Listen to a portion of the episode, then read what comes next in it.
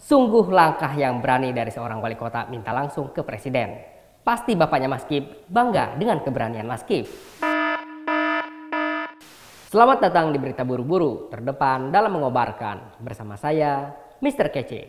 Bagaimana kemarin? Tampaknya kalian kesenangan. Pakai banget saat yang bacain beritanya cuma Pita Cili. Iya, saya bisa melihat itu semua di kolom-kolom komentar. Saya sedih bercampur senang Sedih karena panggung saya direbut, senang karena kerja saya jadi gampang. Cuma opening sama closing aja. Bagaimana? Kalian tim kece atau tim pita cili? Coba dong tulis jawabannya di bawah. Kali ini panggung kembali saya kuasai. Hehe. Eh, enak aja minggir. Ini kursi gue. Eh. Baru gini doang, udah rebutan kursi. Ya udah, gue masih ada kursi lagi kok. Aduh.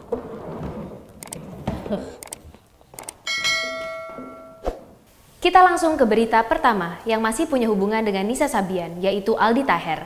Yang belum tahu dia siapa, bisa tonton video berita buru-buru edisi awal-awal, tahun 2020.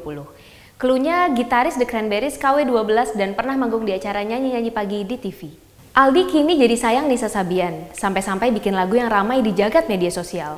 Aldi bukan ingin pansos, melainkan ingin menjadi gelai. Saya yakin Nisa juga pilih-pilih kalau nyari pasangan. Terlepas dari itu semua, lagu ini memang enak. Coba deh dengerin. I love you so much Kita ke berita selanjutnya. Setelah ramai soal aturan investasi minuman keras, akhirnya Pak Det tegas memutuskan mencabut lampiran Perpres nomor 10 tahun 2021 tersebut karena gelombang protes dari organisasi masyarakat keagamaan yang makin membesar. Si tegas. Kalau responnya sudah membawa agama, kami sih ikut aja. Maklum, tidak expert di bidangnya. Kalau bos Muhammadiyah bilang minuman keras haramnya mutlak dan tidak bisa ditawar, ya sudah. Yang bilang bukan dia aja sih, Nahdlatul Ulama dan Majelis Ulama Indonesia juga. Sebut semua biar aman.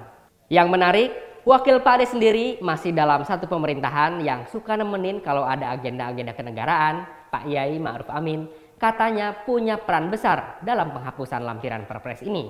Menurut juru bicara Pak Yai, Mas Duki Baidowi, Pak Yai memang sempat kaget dengan keluarnya izin investasi miras.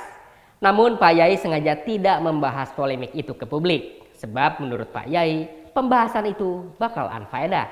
Namun demikian, Pak Yai tidak tinggal diam.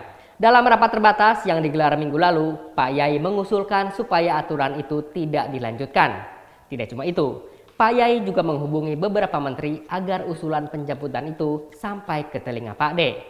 Kenapa Pak Yai gak langsung bilang ke Pak D? Saya juga kurang paham. Kita ke berita selanjutnya. Pejabat Direktorat Jenderal Pajak Kementerian Keuangan kena kasus korupsi suap lagi. Kini kasusnya masih zelidiki Komisi Pemberantasan Korupsi. Wakil Ketua KPK, Alexander Marwata menyebut suap melibatkan uang miliaran rupiah. Wih, reformasi pajak apa kabar? Kok masih ada aja embrio-embrio gayus tambunan? Buat sebagian orang, duit pajak memang gede, jadi kalau bisa di korting, apalagi ada penawaran dari orang dalam, ya tergiur dong. Tapi ya masa iya mau merugikan negara? Eh, cie, ngomongnya idealis banget ya, so SJW. Tapi itu perandaian saja loh, maklum, penghasilan di SPT kami masih di bawah 250 juta. Pegang duit miliaran sih, dada berdebar-debar pasti. Atas kasus ini, Menteri Keuangan terbaik se-Asia Pasifik yang kemarin menyarankan kita untuk beli mobil baru, Sri Mulyani memastikan oknum pejabat pajak telah dipecat, biar proses di KPK lancar, katanya. Kita ke berita selanjutnya. Karyawan Taman Wisata Janggelen, kawasan Sentul, Bogor, bikin ultimatum kepada manajemen untuk segera membayar gaji mereka. Sebab sudah setahun manajemen tidak membayarkan hak karyawan. Peringatan ini tercantum dalam spanduk yang tertempel di halaman utama tim park kebanggaan warga Bogor. Tapi itu dulu. Kalau sekarang tempat wisata mirip Ancol, tapi KW2-nya itu tidak beroperasi. Jenggelen tutup operasi sejak 20 Maret tahun lalu, diklaim karena efek kopet. Kami yang juga ada di sisi teman-teman, sama-sama buruh juga mendoakan agar seluruh hak segera dibayarkan oleh perusahaan. Kami juga mengimbau khususnya untuk kamu, Niara Manadi Bakri, Tolong bisikin Mas Ardi Bakri pas mau bobo dan bilang, Mas jangan nafkahi aku doang, nafkahi juga karyawan Janggelen dong. Bantu teman-teman Janggelen, manfaatin akun verified kamu dan jumlah followersmu yang sudah 18 juta itu.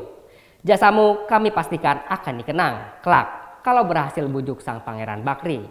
Kita ke berita selanjutnya, ini yang paling epic.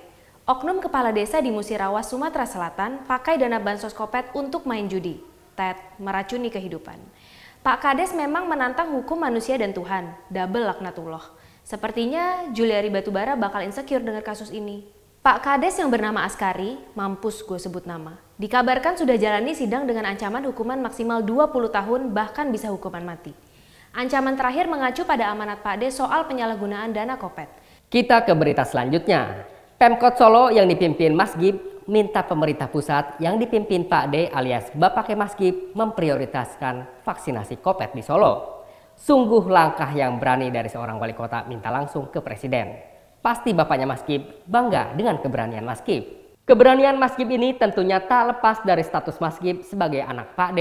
Eh maksud kami kecintaannya kepada warga Solo. Pasti. Tentunya permintaan ini bisa saja disampaikan Mas Gib di grup WA keluarga. Tapi sebagai pejabat publik, Mas Gib tentunya tahu itu bukan prosedur yang tepat. Bukan supaya terlihat bekerja, tapi itu memang sudah prosedurnya.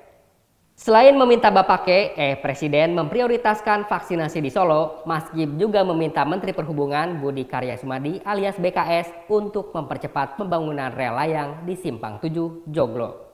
Sungguh keberanian yang luar biasa. Tak sembarang orang yang bisa menunjukkan kualitas keberanian seperti Mas Gib. Ayo Mas Bob, tunjukkan keberanianmu juga. Bisalah minta Pak Mertu, eh Pak D, buat memprioritaskan vaksinasi di Medan. Kita ke berita selanjutnya. Selamat ulang tahun Kopet. Eh, tapi jangan senang dulu, karena virus Kopet yang mutasi, yang namanya susah, SARS-CoV-2 B117, sudah ada di Karawang, bersumber dari pekerja migran yang hendak pulang ke Indonesia. Untuk kurangi risiko penularan, yuk bisa yuk kita selalu pakai masker. Bahkan dianjurkan berlapis, dua lapis, bahkan tiga lapis. Kemudian, kurangi waktu berinteraksi dengan orang di luar keluarga. Kalau perlu, pas belanja di toko ucok, pilih jam-jam yang sepi. Belanja jadi cepat, kerumunan juga bisa dihindari. Karena kopet mutan ini ngeri-ngeri sedap, epidemiolog Hermawan Saputra dari kampus Yellow Jacket memberi saran kepada Pak D dan jajaran untuk mengevaluasi kebijakan pembukaan sekolah secara fisik. Ini pasti jadi kabar yang gak bikin happy mama-mama di rumah, karena si kecil lagi aktif kembali sekolah online. Kopet naik kelas ini memang dinyatakan lebih geragas, termasuk untuk mendeteksinya nggak bisa pakai swab PCR biasa, harus dengan alat khusus. Tingkat menularnya juga lebih masif, amit-amit deh, kami jadi ngeri. Apa kita udahan aja yuk, Catch? Yuk.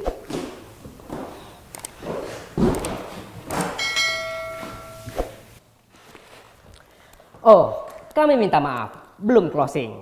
Sekian edisi berita buru-buru edisi spesial karena Kopet ulang tahun yang ke-1. Jangan lupa like, komen, dan subscribe biar YouTuber mediocre ini punya prestasi di tahun 2021, ya minimal nongol di Next YouTube Rewind. Sampai jumpa di edisi selanjutnya. Dadah!